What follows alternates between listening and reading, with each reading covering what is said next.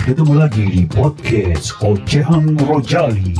Ada cerita keseharian, puisi, kejengkelan dan keamarahan, ada juga kerinduan dan cinta. Yuk kita ikuti episode kali ini.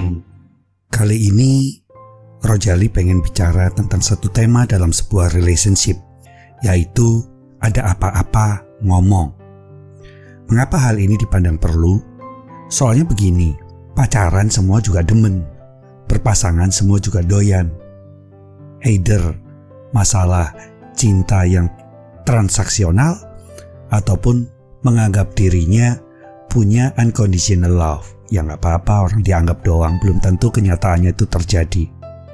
Well, teman-teman terjadi, banyak hambatan komunikasi yang tidak dirasakan yang sebenarnya justru menghancurkan pasangan itu sendiri.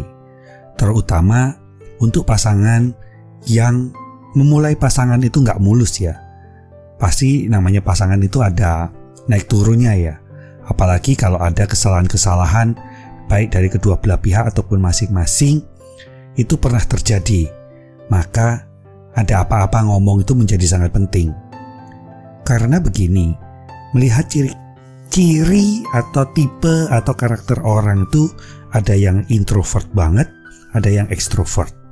Ada yang bisa bicara, ada yang enggan bicara. Bukan nggak bisa bicara, kalau nggak bicara aja pas namanya bisu. Yang bisu aja ingin mengungkapkan sesuatu, apalagi yang normal dong. Nah, eh, sering kali either ceweknya kek atau cowoknya kek enggan berbicara terbuka satu sama lain lawang enggan terbuka kok pacaran. Ya ngapain? Mending kagak pacaran lu TTM kayak gebetan ngentot doang kayak terserah lu gitu. Mau jadi cabe-cabean kayak mau jadi TTM kayak mau jadi gigolo kayak kalau komunikasi itu nggak jelas nggak bagus lalu apalagi yang diharapkan? Gitu loh. Well ada satu kejadian di mana uh, seorang teman punya pasangan Pasangan ini dimulai dengan hati yang bergejolak, kisah cintanya bergelora dan baik, hubungannya indah, tetapi tidak disangka-sangka suatu saat si ceweknya itu selingkuh gitu. Si cowoknya pasti bingung dong karena ceweknya ditanya atau walaupun sudah ke gap ada buktinya masih nggak mengakui. Artinya komunikasinya udah udah nggak beres gitu loh. Nah, dalam komunikasi yang nggak baik aja, kemudian terjadilah namanya diam-diam memendam. Diam-diam memendam ini bisa jadi punya akun yang berbeda, bisa nomor HP yang beda. Dan ini pasti tidak hanya terjadi pada satu pasangan teman gue tadi. Pasti di antara kalian pasti ada yang punya nomor-nomor yang tidak diketahui oleh pasangannya dan banyak yang tidak memberitahukan secara terbuka dan gamblang tentang apa kisah-kisah dalam kehidupan sehari-harinya. Nah, tentu saja hal ini namanya setiap manusia juga punya insting, punya feeling ya. Seenggak peka-pekanya orang, dia itu pasti punya namanya perasaan atau insting tersebut. Once insting ini bicara sama yang empunya badan, maka pasti dia akan berusaha kepo dan menemukan bukti-bukti yang diperlukan sesuai instingnya. Nggak mungkin enggak. Masa ada orang punya insting A, didiemin aja nggak mungkin itu. Kalau ada yang ngomong itu bohong lah. Nah, masalah komunikasi juga termasuk masalah bohong. Jadi kalau dirangkum sih sebenarnya masalah komunikasi, masalah keterbukaan. Keterbukaan itu artinya mau berbicara dengan pasangannya. Lalu sama siapa lagi kalau nggak sama pasangannya? Sama temennya, sahabatnya. Apa temennya ngidupin elu? Apa temennya itu berbuat sesuatu kalau misalnya keluarga lu pun ada kesusahan dan yang sejenisnya? Atau TTM lu, mungkin TTM lu cuma berusaha nidurin lu doang gitu. Nah, kalau nggak sama pasangannya siapa lagi? Bisa jadi akhirnya terjadi kebohongan, dusta, di mana efek dari atau output dari dusta atau diam menutupi itu namanya manipulasi.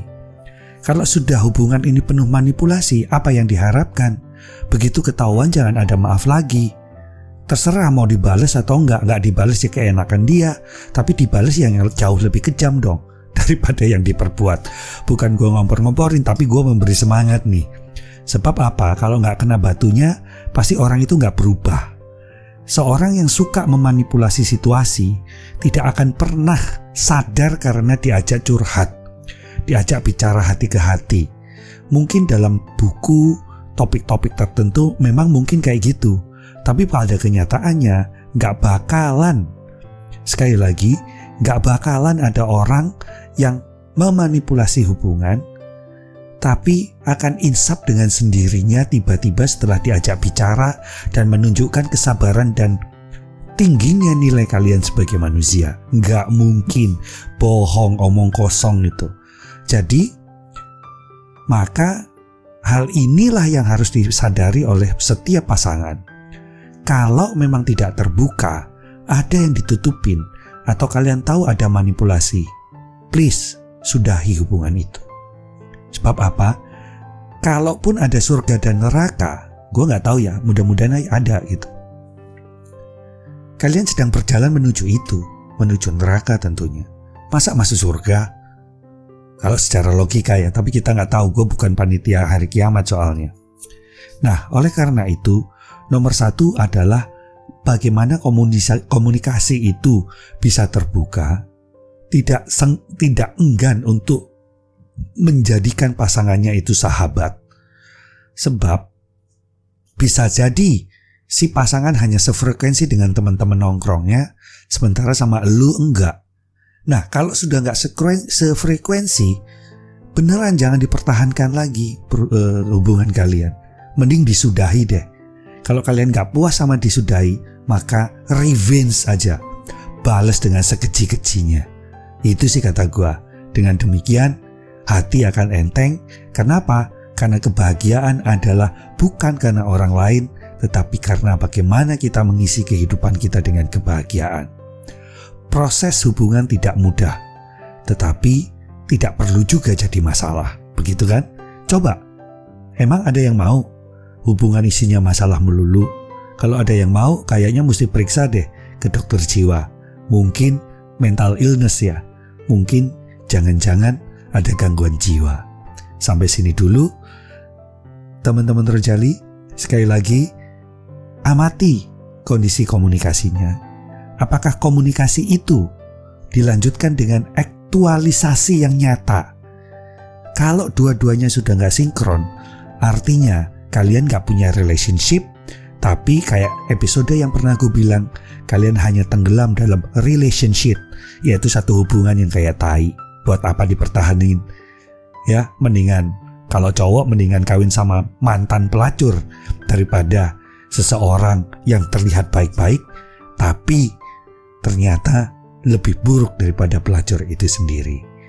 Stay positif, sampai ketemu lagi. Salam Rojali.